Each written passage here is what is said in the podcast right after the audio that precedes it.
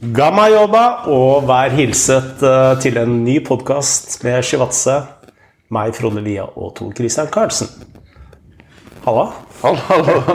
Takk for uh, strålende introduksjon. Er du imponert over min georgisk? Ja, jeg må si at det kommer seg uke etter uke. Det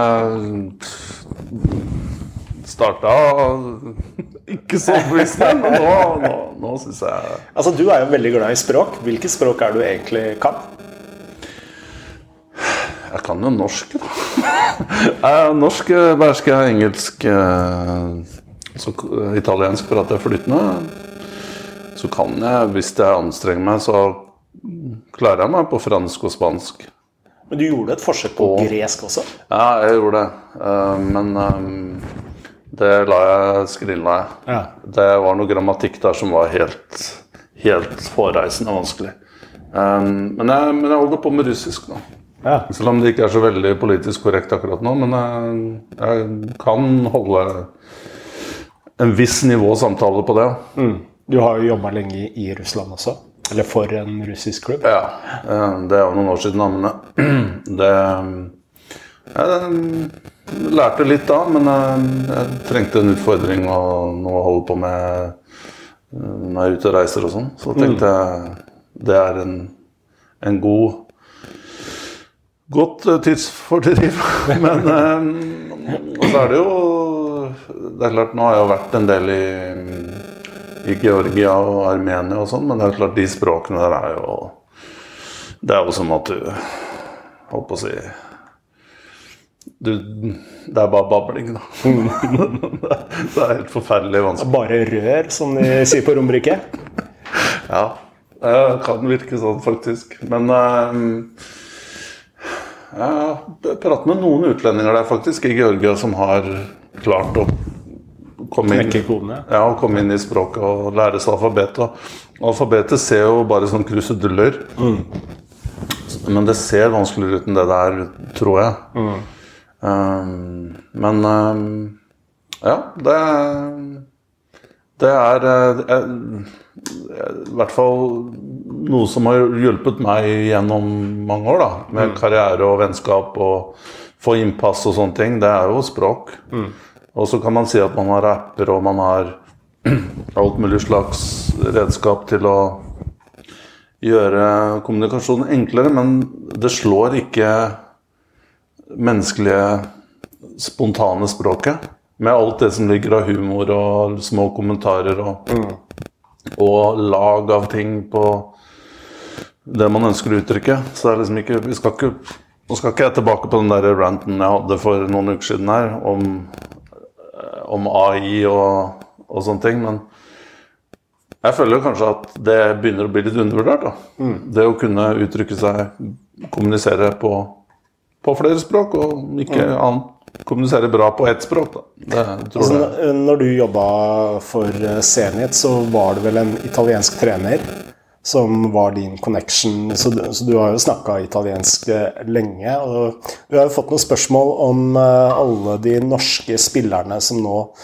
eh, drar til Italia. Eh, og det, det er kanskje et land hvor man ikke snakker så mye engelsk og sånn. Altså, da må jo språk være en eh, altså Du ser jo Morten Thorsby eh, snakke italiensk med hendene eh, til tider. Eh, Hvor, hvor viktig tror du språk er for spillere også, når det skal komme inn i en sånn fotballkultur som italiensk? italienske?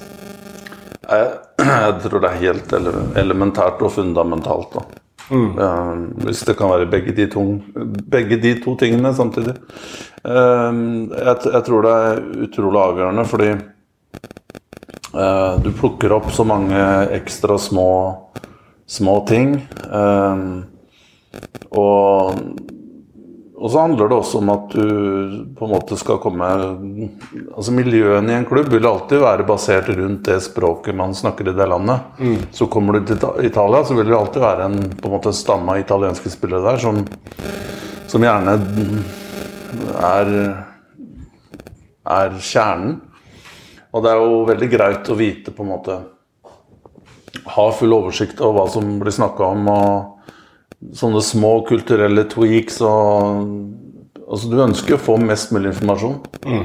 Så handler det kanskje mye om eh, trivsel òg. Altså hvis du ser på en fotballspiller som fra et mer holistisk eh, ståsted. Da. Altså du, for å prestere godt, så bør du jo også trives. Og for å trives, så må du jo også være en del av gruppa. Mm. Og det er jo kanskje vanskelig å være en del av gruppa hvis du ikke snakker språket. Ja, absolutt.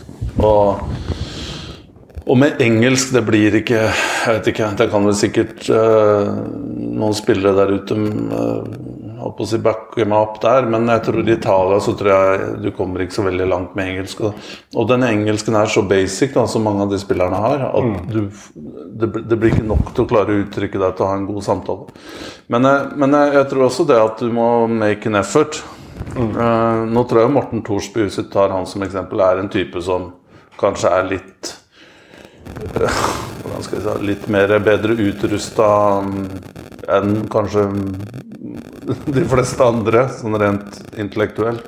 Og at han eh, At han lærer seg språket for å, for å få maks ut av både det sportslige og, og sosiale. og kulturen og sånne ting. Mm. Eh, jeg har vi har jo sett noe, skal ikke nevne navn, men det er jo noe av det mest latterlige jeg har sett. Uh, i år i hvert fall så var det en norsk spiller som kom tilbake til landet her og sa at han ble misforstått i det landet hvor han var um, Ja, jeg så det samme selv. Ja, hvor han var på et opphold. Og da virka det liksom sånn at det landet han var i, skulle, skulle tilpasse seg ham, ikke mm. motsatt. Ja. Og da tror jeg du har misforstått bitte litt av hva som kreves uh, når du reiser ut av landet. altså. Mm.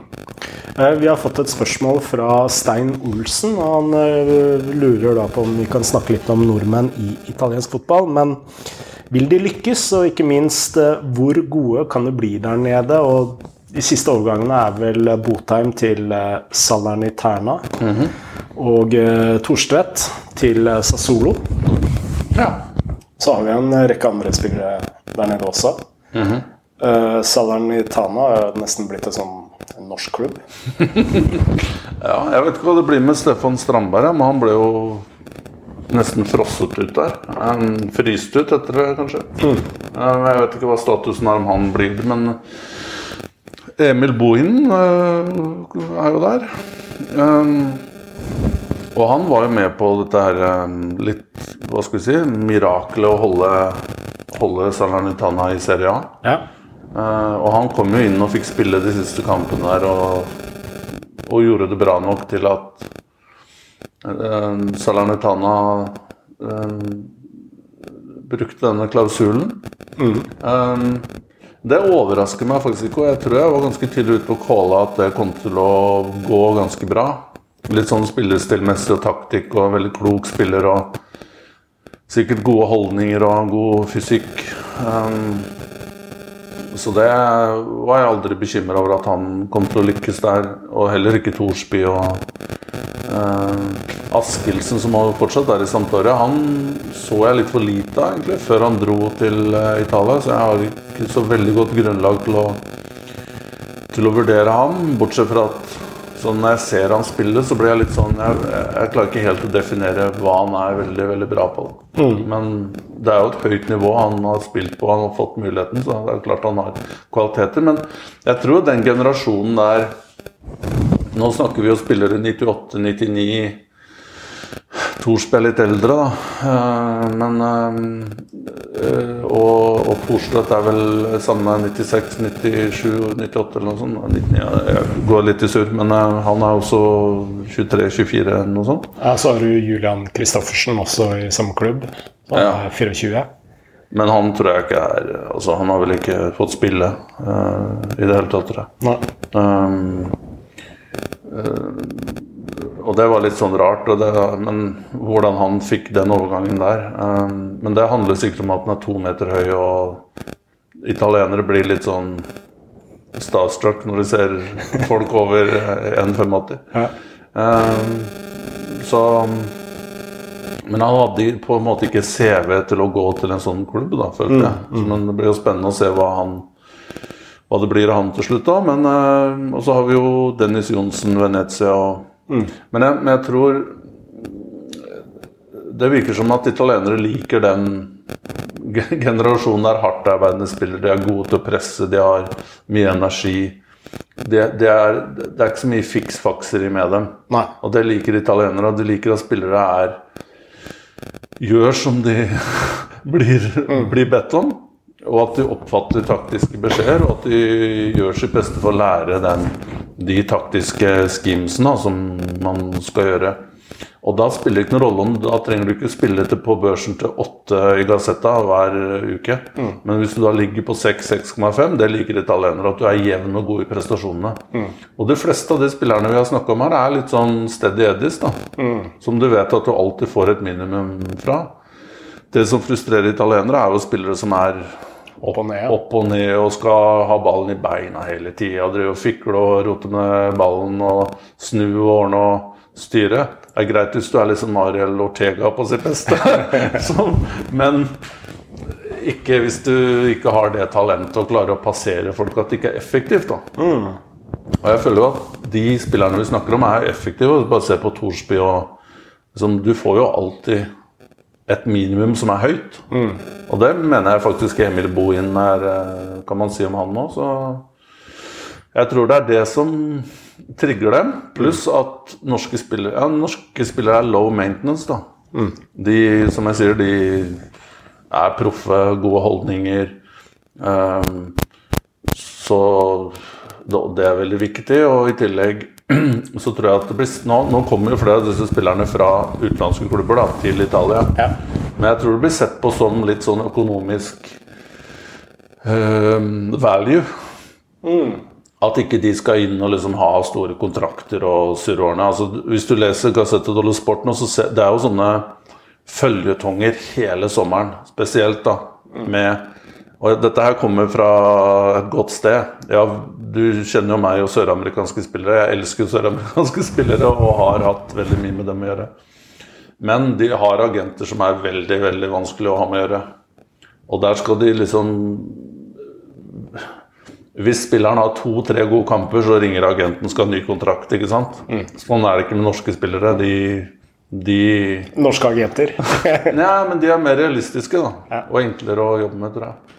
Eh, du nevnte dette med at uh, Si Christian uh, Thorstvedt kommer fra belgisk fotball nå til som en eh, mellomstasjon til Jeg syns jo den overgangen virker jo veldig spennende. Altså Han er jo en spillertype som jeg tenker kan passe veldig godt i måten Sassolo spiller. Ja. Men nå har det vært eh, mye Eller det har jo vært kunstgressdebatt hvert bidige år eh, de siste ti åra. Men tror du eh, for å komme til en topp fire-fem-liga, så må du innom Nederland eller eh, Nederland er kanskje et dumt eh, eksempel i og med at det er en del klubber som også spiller på kunstgress der, da, men si Belgia, da. At du må ha en sånn mell mellomstasjon. Ikke bare fordi at nivåforskjellen fra norsk til italiensk fotball nødvendigvis er så stor, men at du må liksom bevise deg som en gresspiller også. Eller er det bare en kunstig debatt? Nei, altså um jeg, jeg, jeg prater jo en del med italienere og speidere og sportssjefer og sånne ting, og det er klart at de Det er jo en ting de tenker på, men det er en oppveiing hvis du ser en spiller som du oppfatter som veldig attraktiv og spennende og har de egenskapene du ønsker, og så, så tror jeg også at man tar en sjanse. Jeg vet ikke hva du tenker om men den, jeg, jeg forstår jo hvorfor Ståle Solbakken bringer opp det der. Optimalt så skulle vi hatt flere gressbaner. Vi har jo snakka om det i en en tidligere podkast, men det er jo noe som heter økonomi og praktiske hensyn her i Norge da, som gjør det ekstremt vanskelig um, å få til. Og at mange av disse arenaene er kommunal drift, og det skal være barn og ungdom. og det skal brukes av alle, da, på en måte. Og det er jo klart, da blir gress vanskelig. Men eh, jeg har ikke inntrykk av at Og vi har jo snakka om spillere som går ut fra Danmark, fra kunstgressklubber der for, for store, store summer. Så jeg tror ikke det er det er absolutt avgjørende. Men det er jo dette er jo ikke en eksakt vitenskap heller. Noen blåser i det, og andre legger mer vekt på det. Men jeg tror når alt kommer til oss, så tror jeg det er egenskapene til spilleren. Og spesielt hvis du da har Det er kanskje på lettere spillere, altså mer tekniske spillere, så tror jeg man har, har større um, tvil, da. Om det kan overføres til tyngre baner og, og sånt. Um, men jeg tror men litt som de norske spillerne vi snakka om her, da, så tror jeg ikke det har så veldig stor, stor tydelig. Men, men, samtidig så kommer jo mange av disse spillerne fra Stabekk, som uh, er en gressklubb. Ja, ikke sant? Så det kan jo også være en faktor. Men, uh, men når du nevner det, bare gå på Christian Thorstvedt og Altså, man må jo bare Det er utrolig det som har kommet Altså, bare se på to spillere da, som nå er verdt titalls millioner. Altså Christian Thorstvedt gikk for 10 millioner euro, var det det du sa? Ja. Sassuolo. Det er 100 millioner norske kroner. Jesper Daland um, har hatt en god sesong i Zetle Brygge. Kanskje vært nå 40-50, kanskje. Mm. Uh, blir, uh, blir nok observert av større klubber. Monaco er jo den klubben også. Og det er jo to spillere som ble nesten fristilt, eller ble fristilt, av Stabæk. Mm. Um, for ikke så veldig lenge siden, da. så var det sikkert flere grunner til det, da, men uh, det er jo ganske utrolig å tenke på. Ja. Uh, vi, apropos norske spillere som uh, skal ut. Uh, Halvor Bjørge, han er Han er vel fra Stavanger, tenker jeg, for han lurer på akkurat dette med spillere ut fra Norge, og da i dette tilfellet Brønnby. Han lurer på er Viking for dårlige til å selge spillere. Bell, Heggheim og nå også Sebulson. Alle for kun 15-20 mil til Brønnby. Eller er det dette som er markedspris? Skulle tro alle tre kunne vært gode nok for et hakk høyere. Nederland, Belgia eller lignende. Ja, jeg, jeg, tenker jo at det er Nå er jo ikke på en måte Viking-supporterne vil jo ha mest mulig å verdsette kanskje spillerne enda høyere enn det enn det andre gjør. da. Mm. Men jeg syns jo ikke dette er dårlig forretning av, av, um, av Viking. De er, de er jo først nå i Europa i år, Mm. så de har ikke fått vist seg fram der. Um, Joe Bell var vel, hadde vel bare ett og et halvt år igjen av kontrakten, tror jeg. Mm. Mulig jeg bommer her, men det har ikke så veldig stor betydning. Da. Men det var også en spiller som kom gratis. Ja. Men Og- eh, det må være en eller annen connection der. Jeg, jeg kjenner ikke det godt nok, men det virker jo som at det er en eller annen forbindelse her som, som gjør at dette er interessant å, å, å åpne den kanalen der. Jeg, som sagt, jeg vet ikke helt bakenforliggende, men det er jo litt spesielt. Og siste halvdel av eh, spørsmålet er jo skulle tro at eh, eh, nederlandske og belgiske klubber eller lignende var interesserte, men, men eh, hadde de vært interesserte, så hadde de jo bydd på spillerne. Ja, det er jo markedet som styrer det Ja. her. Og eh, så vidt meg bekjent, så er det ingen nederlandske eller belgiske klubber som har liksom vært på de spillerne. Da. Så, og det er jo en realitet eh, Viking må forholde seg til. Da. Eh, Jo, eh, men igjen, altså 15-20 millioner kroner er respektable summer, syns jeg. Bra. Eh, vi tar ferdig norsk fotball eh, mens vi er i, i, i, eh, i gang. Og vi har fått et eh, spørsmål på om nivået på Eliteserien. Eh, Det er eh, Fredrik den gode han lurer på Kan dere snakke om nivået på Eliteserien. For meg virker det som alle kan slå alle, og ingen greier å prestere godt over lengre tid. Gjerne snakk om Kristiansund. Ja, det er litt motstridende, da. Er jo, for det, de slår ingen. Ja, ikke sant? Alle slår Kristiansund, men eh, du får starte her, Frode. Nei, altså øh, hvis, Se Lillestrøm, da. Tape mot øh, Godset. Du har Molde som, øh, som eh, taper poeng eh, mot Jerv. Eh, du har Bodø-Glimt, som er veldig opp og ned. Spilte en utrolig dårlig europacupkamp nå i går. Vi spiller inn dette på en torsdag. Jeg, jeg tenker jo at Nå nevnte jeg tre klubber, og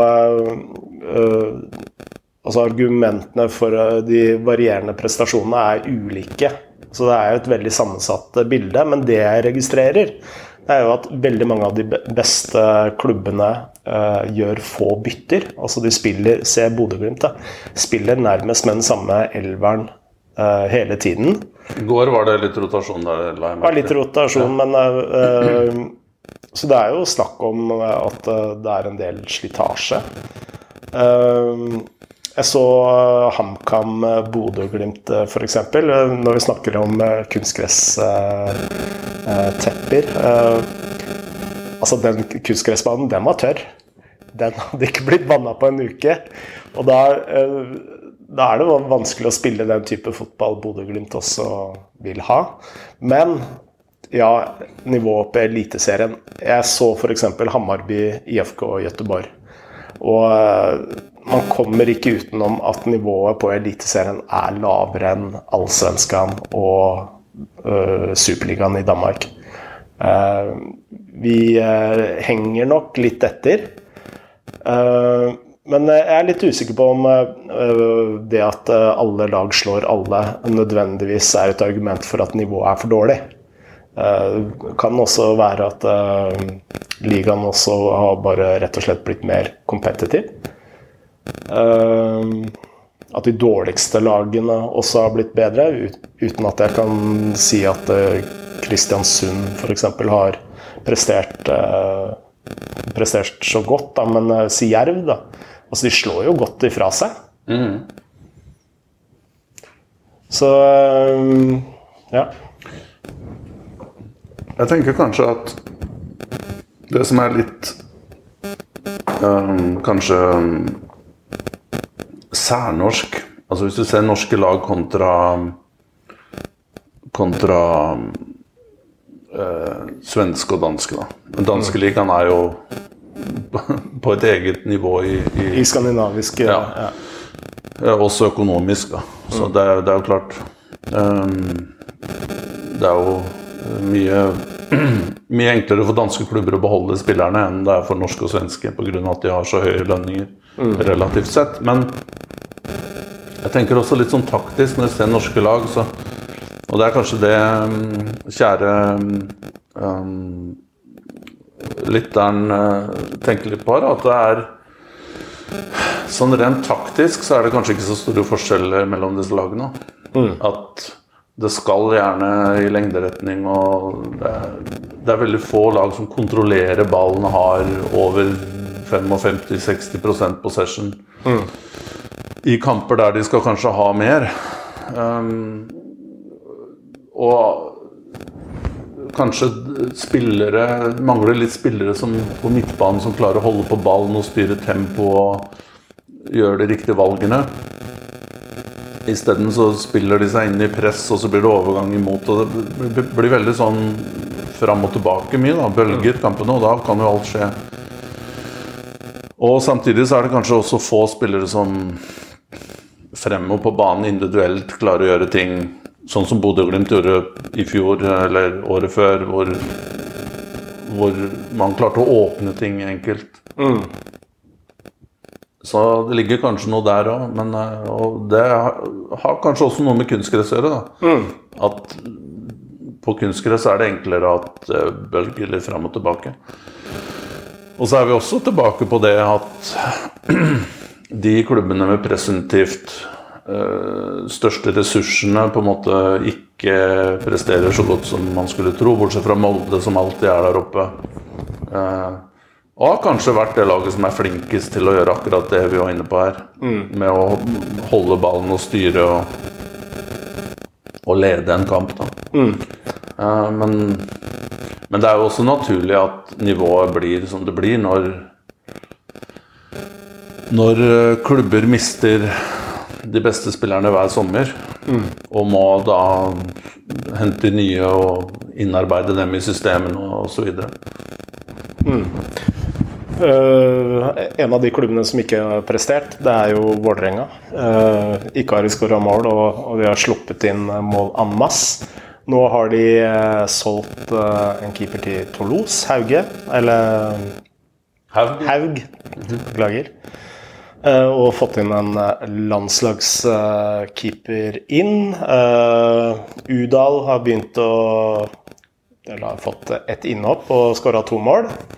Ser det bedre ut, eh, tenker du? Nei, altså Virker som de tar litt grep.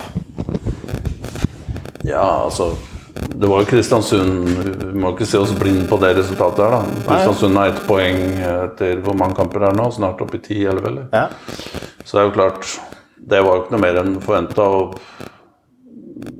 Men eh, akkurat det movet med Bråtveit inn um, for å gi han uh, godeste uh, unge som er på vei opp, Sjø...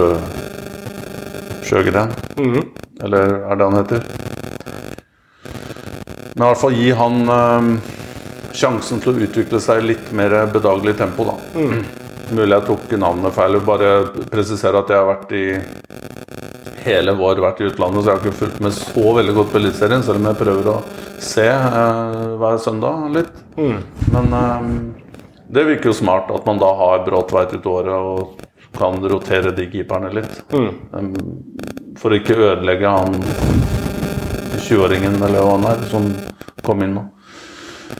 Men eh, Nei, de har jo fortsatt mye du må gjøre. Du må ha en stopper og du må ha en, kanskje en spiss. Og ja, de mista jo to gode vinger der med Dønnum og Ishmael som forsvant. Mm. Så, men det har jo vært innom før òg. Det er jo sånn evig transition-klubb. Det blir jo ikke på en måte stabilt, og spillere kommer og går hele tiden. Mm. Jeg lurer på om vi skal gå litt videre til internasjonal uh, fotball. Og vi har fått veldig mange spørsmål eh, rundt Barcelona. Uh, og veldig mange av spørsmålene går på hvordan i alle dager Barcelona kan uh, hente inn spillere til nesten 50 millioner pund, som f.eks. Rafinha. Det var til og med mer? Ja, altså Totalpakka er på 68 millioner pund, men det er 49 ja, okay. up front. da. Og det er jo et det er jo et meget uh, godt uh, spørsmål. Uh, og, og, svaret er, jo egentlig ganske dystert. det Barcelona har gjort, det er jo at de har solgt fremtidige TV-inntekter. De har solgt 15% av sin cut. til et selskap som heter Second Lever.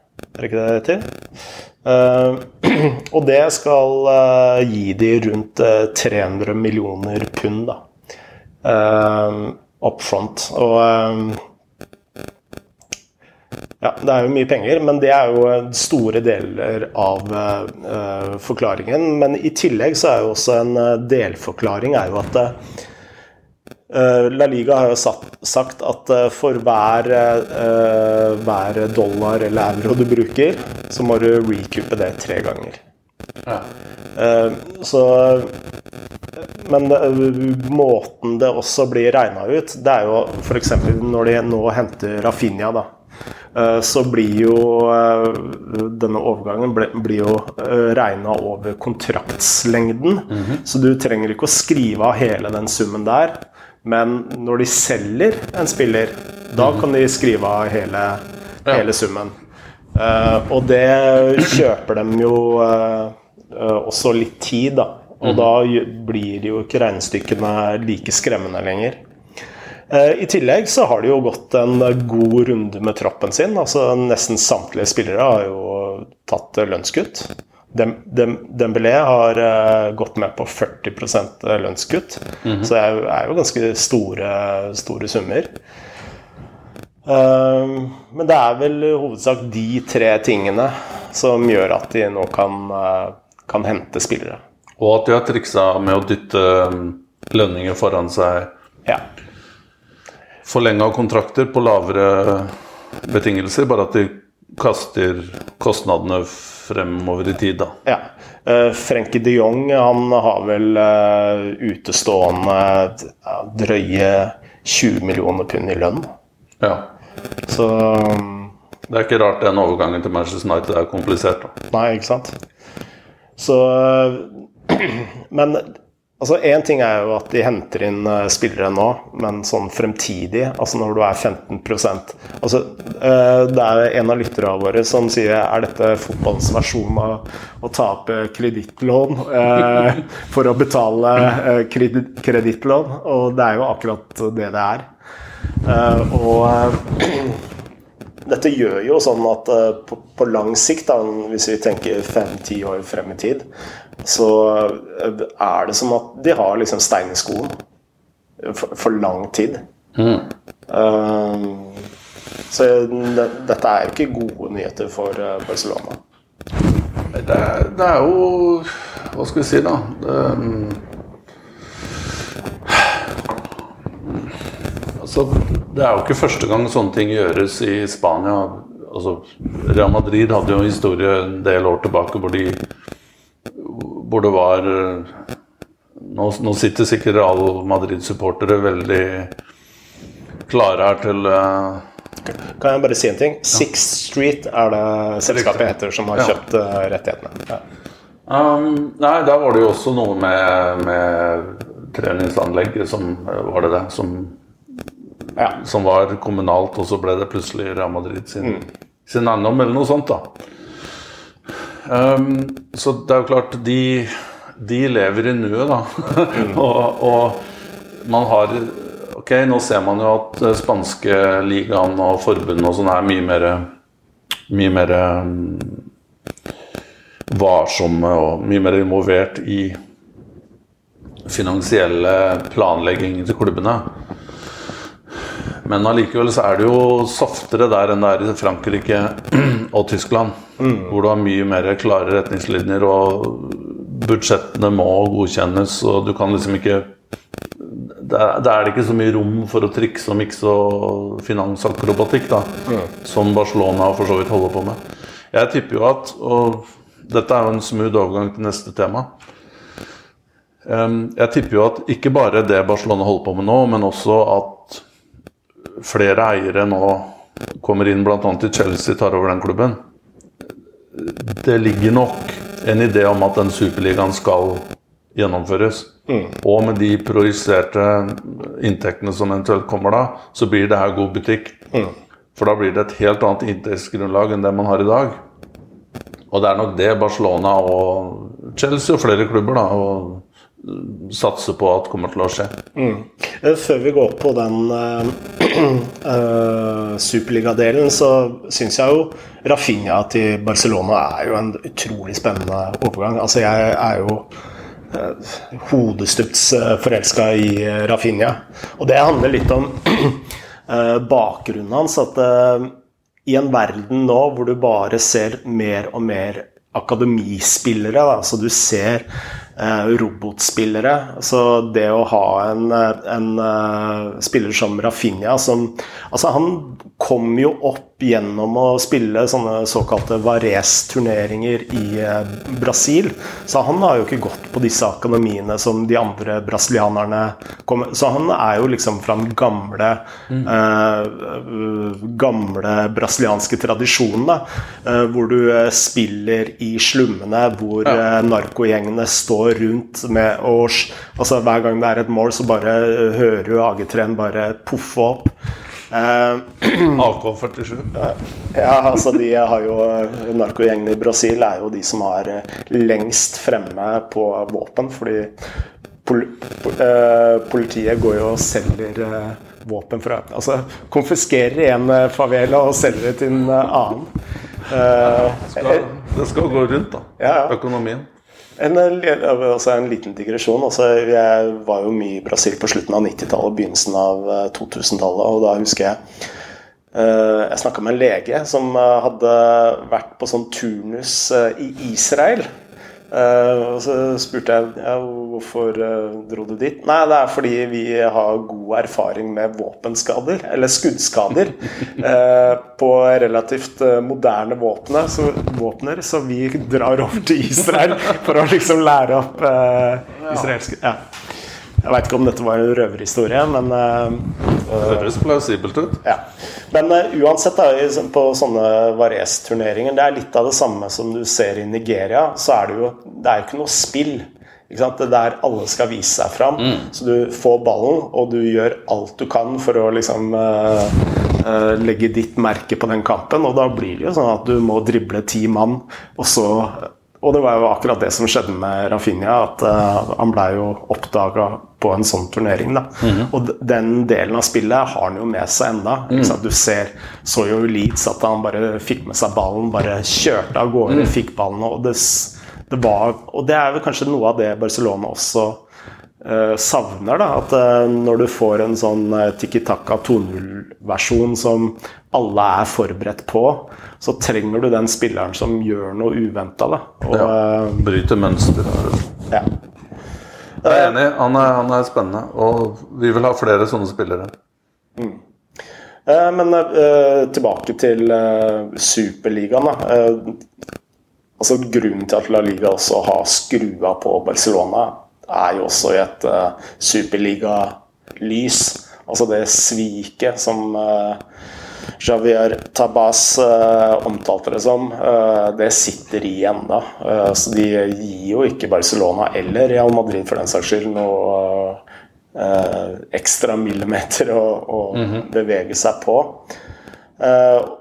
Og for å gå videre til Superligaen, da, så er jo altså, det som utspiller seg nå i Luxembourg, hvor Barcelona, Real Madrid og Juventus Uh, har uh, eh, oppretta søksmål mot Uefa for retten å ha monopol på å arrangere uh, fotballkonkurranser. Det er jo en Altså Det er rart at det ikke er mer oppmerksomhet enn det det er mm. om, om, akkurat det. Og, for det kan jo potensielt endre hele fotballen mm. for alltid. Uh, og altså, Vi har jo snakka om Chelsea-eierne òg. Altså, jo flere amerikanske eiere som også kommer inn i euro, europeisk eh, fotball, jo sterkere press blir det mm. mot Uefa uh, for å uh, kunne opprette en slags lukka superliga uten nedrykk. da. Ja. Så utrolig spennende uh, rettssak som uh, foregår. Og Norge har jo sendt ned sine regjeringsadvokater for å De fikk ti minutter i, i rettssaken. Og så Og det, det, striden egentlig står om, det er jo at man skal jo ha økonom, de fire friheter innafor EU, eh, e da.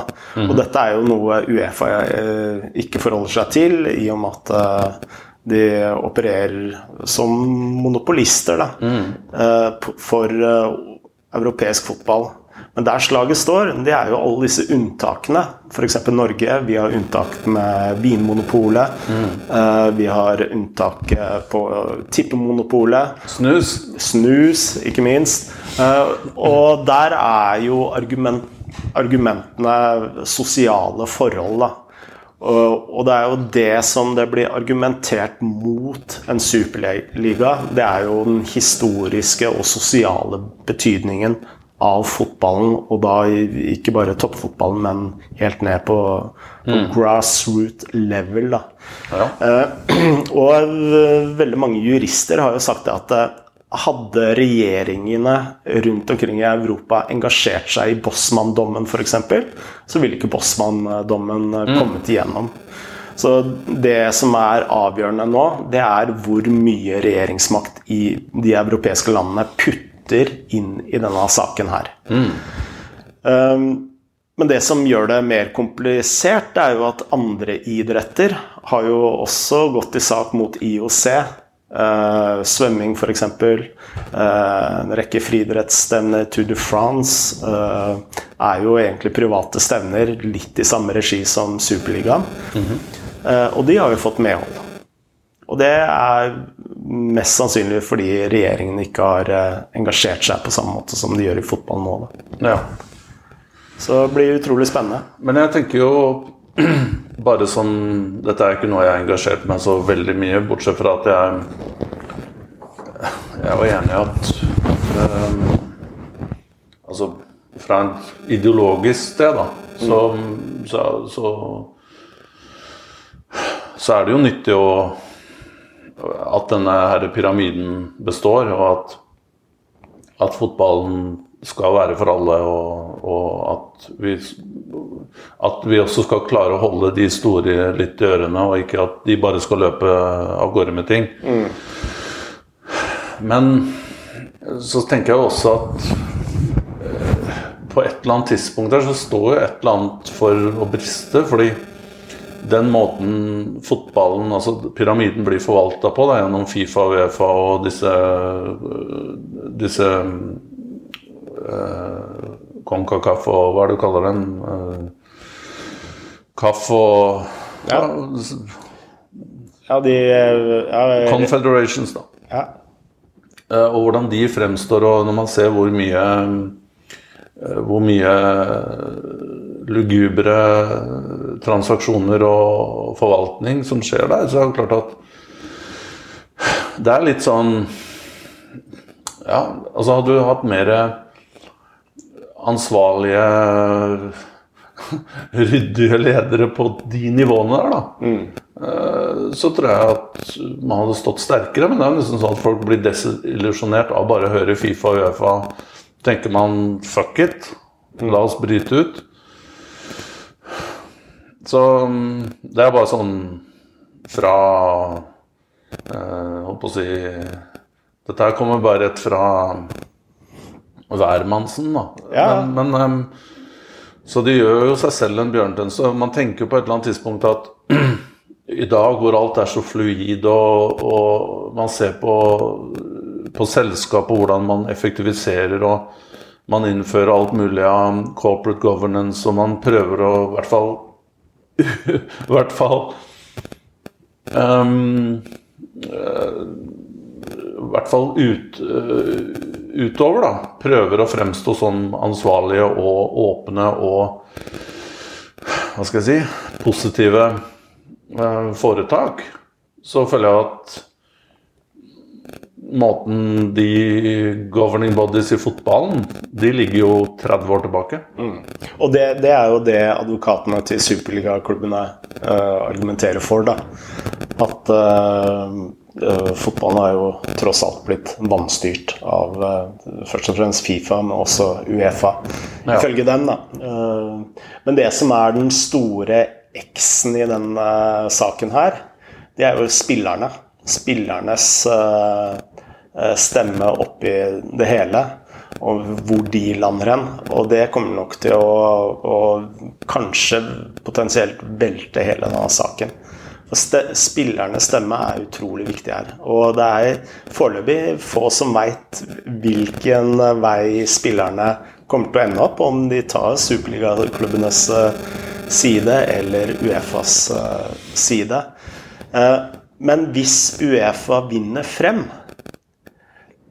da er det veldig mange som spekulerer at uh, vi kan også få en endring i Champions League mer tilbake som det opprinnelig var. At, uh, for da har jo EU har jo sagt sitt, uh, og da, har du, da er egentlig Fordi grunnen til at det, Jeg kaller det superligaklubbene, altså -hmm. de opprinnelige tolv iallfall, har jo vært i tillegg til Bayern München, som også har vært eh, veldig tungt på å gjøre Champions League med topptungt. da. Mm -hmm. Ved å, at de skal sikres flere plasser, eh, få større del av kaka. Men hvis uh, Uefa da vinner frem, så vil jo ikke de ha noe press middel lenger. I hvert fall ikke i samme grad. Og da kan man kanskje se en reversering av veldig mange av de tingene som har liksom blitt vedtatt de siste årene, da. Så ja.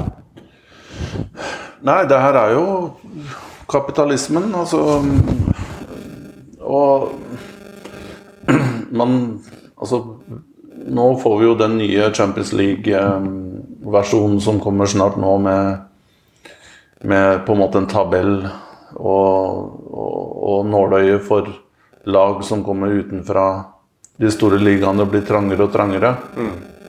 Så den solidariteten som eventuelt Uefa eh, påberoper seg, den har man jo ikke sett så veldig mye til Nei. de siste 20-25 årene. Det har jo bare vært for å catere for de, for de store. Men de som har mye, vil ha mer. Absolutt. Eh, la oss eh, gå litt eh, videre. Og, altså, vi var jo litt innom eh, Chelsea eh, i siste episode. Og, men eh, dette var før alle ryktene om Cristiano Ronaldo og, og Eller det som i hvert fall oppfattes som en eh, strategisk endring da, i spillerrekrutteringen eh, for, eh, for Chelsea. Og, og vi advarte jo litt om det, og nå skal de jo hente Kolobali på femårskontrakt. Og jeg husker med gru hvordan han klarte seg mot Liverpool. Ja, men her må jeg bare hoppe inn og si at det er bare å kjøre på. ja, det er, han er bare å hente. Ja. Og han kan Ok, femårskontrakt er kanskje litt mye, da, men han, som alle andre stoppere, så har jo han også sin Du kan også lage en sånn horror eh, reel uh, fra det han har gjort, men det kan du gjøre med kunne du gjøre med Nesta og Canavaro, liksom. Det, stoppere gjør feil og kommer til å gjøre feil og har kvelder hvor de ikke ser så bra ut, men jeg mener jo sånn Jevnt over syns jeg han er helt, helt fantastisk stopper. Som burde ha vært plukka opp altså før han gikk til Napoli. Eller han var i Belgia, tror jeg, og så gikk han til Napoli. Men å se en sånn stopper som er så Kanskje, men jeg har også sett på tallene hans, skal. Det er ikke bare sånn eye-testen at jeg liker han fordi han er så majestetisk og spiller med så ro og Men han er så sjef, da. Nå må vi få lov å være litt u, uvitenskapelig her. Men det er liksom han bare går og henter ballen og knuffer folk vekk og Jeg liker sånn, den type stoppere. Samtidig som han er god med ballen og Å få ta den eh, Gjøre det enda mer eh, harry her, da. Så, så er det jo sånn når du ser Kolibali i tunnelen her før kampen, og han står der, liksom, så tenker du at ja det, her, her blir det her, her må jeg svette i dag.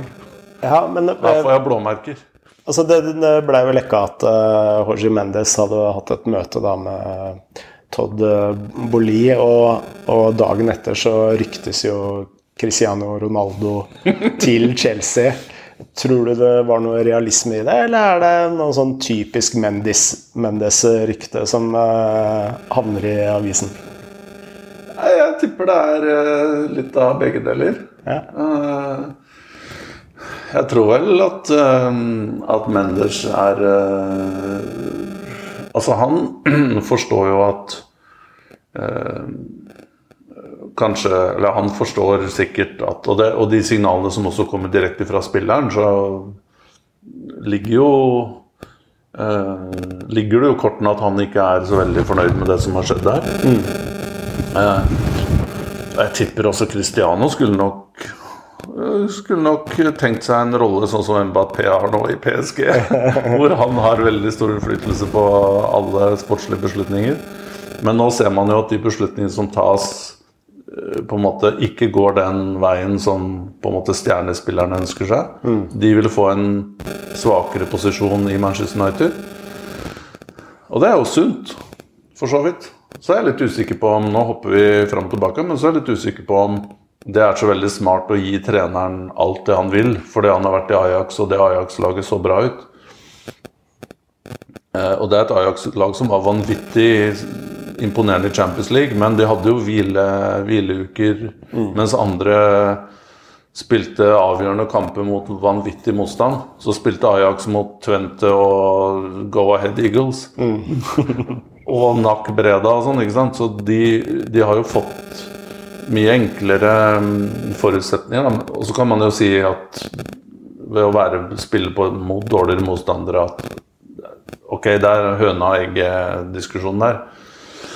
Men jeg, jeg, tror ikke det er automatikk i å hente um, mange nok Ajax-spillere, så blir det Ajax som var i Champions League og spiller på samme måten og kommer til å bli like suksessrik.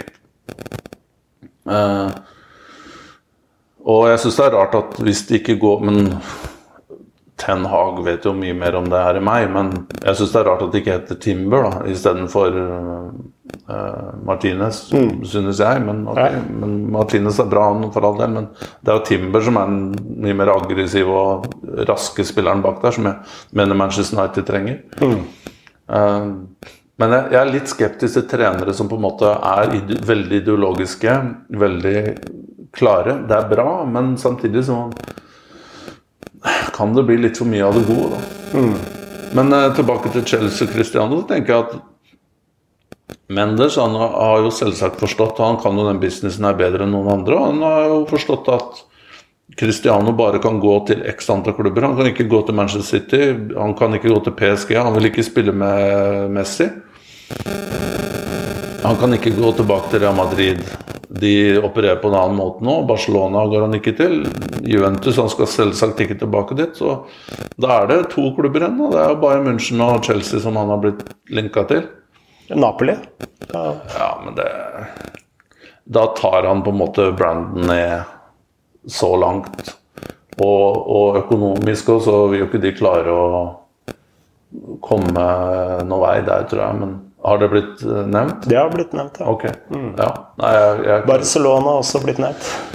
Ja, men jeg kan ikke forestille meg at det Nei, ikke jeg heller. Men og det lønnsbudsjettet og sånne ting, da skal, jo, da skal man jo være trylle da, ja. for å få dette til å gå opp. Og Ten Hag har jo uttalt nei, han, han, skal spille hos oss. Ja, men det er nok uh, company man, da. Ja. For å, de skal sikkert ha noe, prøve å få noe penger ut av dette her. Ja. Selv om det meste av den potten hvor nå enn Cristiano går, den skal i lomma hans. Mm. ikke til Manchester United. For det, de betalte jo heller ikke så fryktelig mye penger for han. Jeg husker ikke mye det var i fjor sommer. Så. Men det, du må jo si det. For det du kan Ten Hag kan jo ende opp 31.8-1.9. at Cristiano fortsatt er der. Mm. Så han kan jo ikke på en måte avskilte han nå. Men hvis du tenker sånn på brand og hele på en måte mm, konseptet Cristiano Ronaldo, så tenker jeg at Chelsea passer bra. Mm. Uh, og det er jo noe han er veldig opptatt av. Mm. Og det er som glamorøs klubb ved vestkanten av London. Uh, ja, det er et navn han kan assosiere seg med, da. Men uh, hvis vi bare tar altså De har jo henta Stirling, f.eks. Du er enig om at det er en eh, vanvittig strategiendring som foregår på Stamford Bridge nå? Ja, det er det jo. Men, men jeg, jeg, jeg, tror også at dette er en Jeg skrev en tweet sånn litt halvhumoristisk om det for noen uker siden. Men dette her er nye eiere. Og jeg tror uansett hvor mye man Når det er Chelsea, ikke Burnley, så tror jeg disse eierne er også veldig opptatt av branden. Og de er veldig opptatt av at de skal komme inn og vise seg fram. Da. At vi er med på dette her for å Vi er real players da, mm. i dette her. Og da kan du liksom ikke drive og hente stats-spillere eller eh, kjøre altfor hardt på analyticsen da. Det kommer sikkert etter hvert. Mm. Men jeg tror den fristelsen når du liksom Når du har Mendes på andre siden av bordet og Cristiano blir nevnt, og sånn, så er det klart at eh, for disse nye eierne så strømmer det noe blod til både en og andre kroppsdel. Når vi snakker om overganger til, eh, til eh, Premier League. Eh, hva er det du syns er mest spennende frem til nå? Ja, jeg, jeg syns jo altså Det er klart vi har snakka om Darwin Núñez. Jeg er veldig veldig spent på han. Syns det er kult at Liverpool henta han. Mm. Har store forhåpninger til han. Eh, selvsagt Haaland og, og, og Phillips til City er jo to veldig Altså Haaland er jo en blockbuster. Phillips Fernandinho ut, Phillips inn. Stødig, god replacement. Um, så både Tottenham og Arsenal har gjort spennende ting. Um, Richarlison Arsenal har jo henta uh, Fabio Vieira, heter han vel, uh, som jeg syns er spennende. Um, Gabriel Jesus er jeg litt mer usikker på, men hvis han virkelig slår til og klarer å ja, prestere på det vi har sett toppnivået i Manchester City, så er jo det også en utrolig god signering. Men jeg, men jeg har noen navn fra på en måte litt under the radar. Jeg skrev en sak på ISBN som ble publisert i dag, som folk gjerne må gå inn og kikke på. Det er plukka ut sju overganger som er litt sånn litt under Ikke under undervalued, for det er jo dyre spillere, men som ikke har fått så mye omtale. Og jeg tror i det segmentet der så vil jeg si Leeds har gjort spennende ting. Mm. Uh, og jeg liker jo veldig godt strategien til Leeds. Um, det medfører litt risiko, for det er spillere som kommer direkte fra utlandet, fra mindre klubber, men som har de egenskapene som både, både management og, og Mars, Jesse Mars ønsker. Da. Altså aggressive spillere, energispillere, men samtidig med god, god teknikk og og en av mine favorittspillere er jo eh, Brendan Aronson. Som jeg syns er Jeg garanterer ikke at han kommer til å ta det nivået her. Og jeg er litt, bitte litt bekymra over at han har Hans spisskompetanse ligger i de Ligger nettopp i de egenskapene man finner ganske mange av i England. Da. Energi og press og Eh, mye løping og sånn, men han er allikevel en ganske god fotballspiller, syns jeg. Han er kjapp i vendingene og gjør gode valg og veldig kjapp til å få ideer ut i beina. Uh, godt skuddbein, og han har vanvittig uh, evne til å time løp uh, inn i boksen. Sånn tredjemannsbevegelser og utrolig god på det. Um, han, jeg hadde han vel på 34.-plass på den topp 21-lista mi for ESPN i slutten av april. Uh, det var litt sånn kontroversielt, som mente at Salzburg-spillere ikke skulle inn der. Men jeg, litt personlig mening, jeg, jeg liker han veldig veldig godt. Syns han er 22 år. Uh, nettopp fylt 22, tror jeg. Uh, og så har du Tyler Adams, som kommer fra Leipzig. Ikke en sånn veldig ikke en veldig på en måte spennende spiller sånn flash, da. Men ekstremt effektiv og jobber hardt, god mentalitet. Brukes i flere roller. Mm. Um, og, men Sinisterra har jeg sett litt for lite av til å gi noe veldig god uh, bedømning. Men det er jo også en spennende profil. Men det er mye snakk om en annen spiller som jeg mener å huske du hadde på lista di. Han Charles Di Ketelera fra Klubb Brygge. Ja. Er han linka til Leeds? Han er linka til Leeds. Ok, ja. Det ville jo vært utrolig spennende også å sette han i Premier League, syns jeg. Mm. Fra Brugge. Av andre som jeg har sett på, så er det Jeg syns eh, Crystal Palace henta en veldig spennende midtbanespiller, Sheikh eh, Ducoré fra Lans. Mm. Nå er det Seko Fofana som fikk største overskriften her, men Ducoré var det mer defensive av det partnershipet der på midtbanen ekstrem rekkevidde, jobber veldig hardt. Um, også godt driv med ballen, kan passere motstandere. Og han forventer jeg faktisk går rett inn på laget. Mm. Uh, så vil jeg også trekke fram en stopper på Southampton um, som heter Armel um, Bella Kuchab mm. fra Bochum. Som kom da for 10 millioner euro, tror jeg. 20 år. Uh, og har vært på førstelaget der siden han var 17. Fikk vel debuten da han var 18. Mm. Enorm fysikk. Eh, Og har vært litt sånn bitte litt inn og ut av laget. Jeg tror ikke treneren den sesongen som var nå, stolte helt på han, men han har på en måte et maksnivå som er meget imponerende. Mm. Og sett litt på tallene hans òg. Nå lyver de bitte litt, det Bochum har vært et lag som står lavt og får mye dueller mot seg. Så det er enklere å vinne dueller enn for et lag som spiller åpent. Men jeg lurer på om han hadde 73 uh, vinner altså seirene ut av dueller. da. Mm. Uh, og 71% i lufta, som er meget gode tall. Men én mot én-forsvarer, så er han helt enorm. Um, så han er jeg veldig spent på. Jeg tipper Hvis han blir fast på Southampton, så er han fort inne på tyske landslaget. Mm. Sønn av en uh, kamerunsk uh, landslagsspiller, faktisk. Som var spiss i lavere divisjoner i Tyskland. Uh, Kobberud han nevnte jo også Leeds, apropos dem.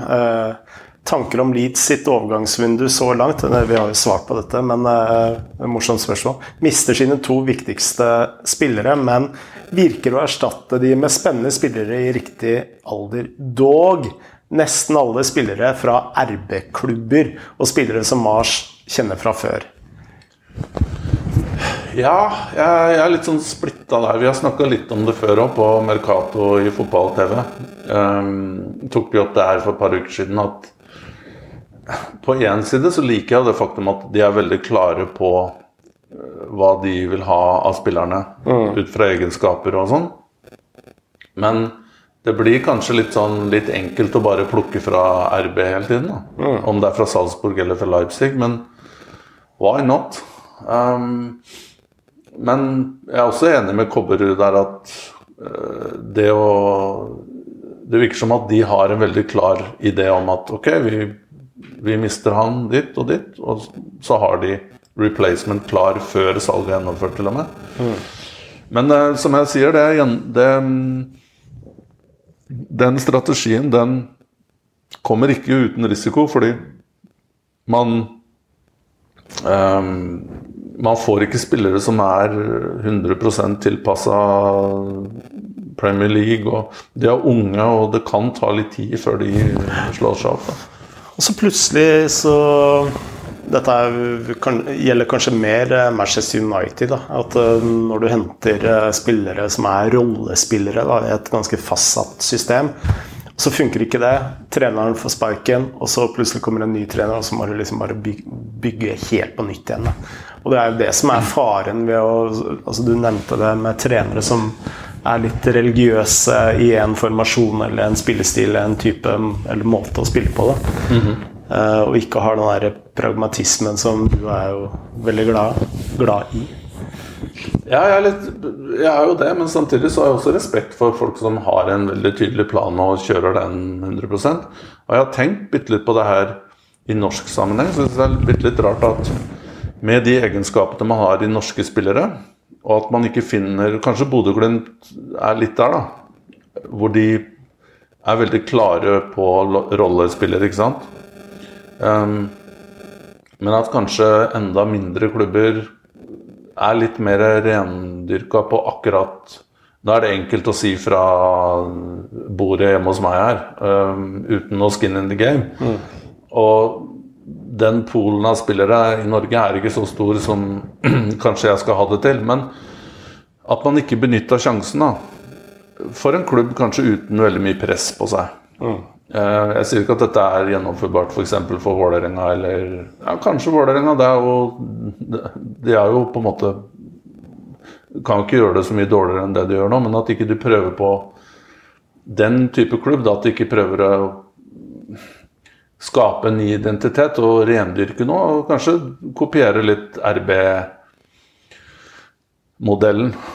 ved å gjøre noe Altså kjøre hardt på aggressive spillere, fysiske spillere. Mm. Spille litt mer direkte. altså nå snakker jeg litt mot meg selv for det jeg sa tidligere, kritiserte norske klubber for å spille for direkte, men får tillate meg i sommervarmen her å være litt uh, Men konsept. da, At man har et veldig klart konsept, og at ikke alle liksom bare opererer på lik måte. Det jeg respekt for og syns det er spennende. Én norsk klubb som gjør det på en uh, ganske annerledes måte enn alle andre, har vi fått et spørsmål om. Uh, og jeg lurer på om vi kan avslutte med dette spørsmålet her, fra Bjørnar Morønning, som har et spørsmål angående Åsane. Og de spiller jo en Så de er jo ganske unike i norsk målestokk, og i hvert fall i Obos-ligaen, vil jeg tro. Det er vel Åsane og Start som nå spiller den type fotball. Uh, og han lurer på For han forstår ikke hvorfor laget kan variere så mye i prestasjonene. Hva tenker dere er årsaken til at Åsane ikke holder seg jevne i prestasjonene? Og kan en som, sommervikar sitere dere i Åte hvis dere svarer? Ja, det var veldig hyggelig at han spør om det. og man har selvsagt uh, fritt fram å sitere uh, Chiwadze podkast. Um, så lenge man ikke tar det ut av kontekst og pålegger oss meninger vi ikke har. Men jeg har sett altfor lite av Åsan i år mm. til å ha noe, noen formening om det. Men bare min min um, umiddelbare refleks kommentar er kanskje at de overpresterte en periode, og at igjen De har også mista spillere mm. hele tiden, og at det er vanskelig med de betingelsene Åsane har, da, til å klare å fylle på hele tiden. Mm. Jeg vet ikke om du har sett mer Obos enn meg? Jeg, Frode? Altså, jeg har sett uh, Åsane to ganger i år. Uh, en gang mot Kongsvinger og en gang mot uh, Grorud. Og det jeg tenker, er jo at de spiller jo jeg, Altså, jeg elsker Åsane. Uh, og jeg syns det er gøy å ha et uh, lag som ikke spiller som alle andre. Uh, og jeg tror jo den type fotballen også er veldig utviklende for spillerne å spille. Men det er jo en vanvittig ambisiøs måte å spille fotball på. Altså Mot Kongsvinger så altså de spilte seg ut innafor femmeteren omtrent. Uh, og det var jo ikke snakk om å slå den, slå den, lange. Og jeg tenker da at uh, når du spiller en så ambisiøs type fotball med spillere på Obos-nivå, så skal det Du skal være ganske samspilt. Og uh, ikke har mista spillere sånn som de har gjort da, over mm. lang tid, for å kunne være variable uh, lenge. Altså, jeg vil jo tro at Åsane selv de skulle jo ønske at Eller mener at de burde ha gjort det bedre. Men uh, jeg vil jo si at de egentlig gjør det ganske bra. Uh, tross tabellsituasjonen, så ja, det er jo et lag som har vært nede i andre og hoppa litt eh, opp og ned. Så, og hvis det er et sted man skal på, på, en måte forsøke å gjennomføre noe på den måten som de gjør, så er jo det Obos. Og så må man også akseptere at det blir en eh, At det blir en um, en mellomsesong, eller om man mister spillere. Men det, i en sånn type klubb så blir det jo også litt offer for egen suksess. For når det går bra, så mister du jo spillere Mm. Som et resultat av det. Og man har jo sett Åsane-spillere gå til Bodø-Glimt, og Skjelmeland tok vel med seg hen til start. og uh, Udal forsvant til Vålerenga, ikke sant. Så mm. det er jo klart at med de ressursene man har Nå kommer jo Åsane sannsynligvis til å vokse også økonomisk med nye stadion og den backingen de har der, men uh, jeg syns det er respektabelt. og tror jeg man må tåle at de De kommer jo ikke til å rykke ned. Nei. Og fortsette på den måten de jobber på, er jo også beundringsverdig. Bra. Lurer på om vi er i mål, jeg. Ja. Du har ikke noe mer på hjertet? Jeg har, jeg har jo det, men det skal jo komme flere podkaster. Får ta det i neste podkast. Da får vi si som vi alltid sier her i Shiatse. Uh, takk for nå.